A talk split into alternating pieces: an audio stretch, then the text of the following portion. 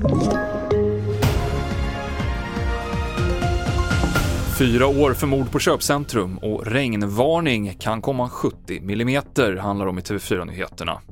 Vi börjar med att berätta att två män, 17 och 21 år gamla, har begärts häktade misstänkta för mord på en 14-årig pojke som hittades död utanför Nynäshamn i slutet av juli. Offret försvann samtidigt som en annan 14-åring som i augusti hittades död i Upplandsbro och i det fallet så är en 15-åring häktad för medhjälp till mord. En 16-åring döms till maxstraff för fyra års sluten ungdomsvård för mord och mordförsök efter förra årets uppmärksammade skjutning på köpcentrumet Emporia i Malmö, då en 31-årig gängledare sköts ihjäl och en förbipasserande kvinna skadades svårt. Och tingsrätten skriver i domen att straffet hade blivit livstid för en vuxen. Man har ju sett här den senaste tiden att väldigt många unga som är runt 15-16, de får två års sluten ungdomsvård och så vidare. Åklagaren här ville verkligen markera det här går inte längre. De här unga ska straffas hårt. Han har erkänt mordet. Han har hänsynslöst enligt åklagaren har gått in i ett köpcentrum. Det var fyra barn som, som, som nästan hamnade i kulregnet. Ehm, en, en kvinna som gick förbi blev skadad så han döms också för mordförsök.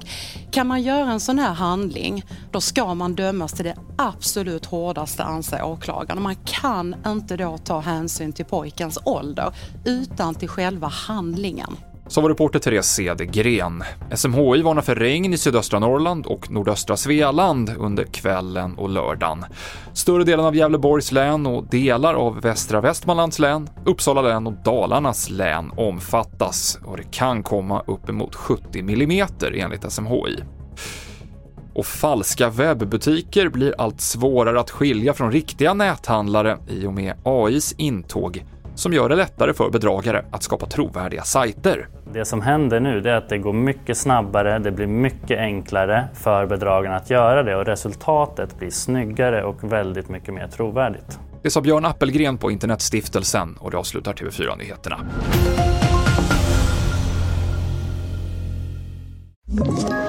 Ett poddtips från Podplay. I podden Något Kaiko garanterar östgötarna Brutti och jag, Davva, dig en stor dos skratt. Där följer jag pladask för köttätandet igen. Man är lite som en jävla vampyr. Man har fått lite blodsmak och då måste man ha mer. Udda spaningar, fängslande anekdoter och en och annan arg rant. Jag måste ha mitt kaffe på morgonen för annars är jag ingen trevlig människa. Då är du ingen trevlig människa, punkt. Något Kaiko, hör du på Podplay. Därför arkadeinerna.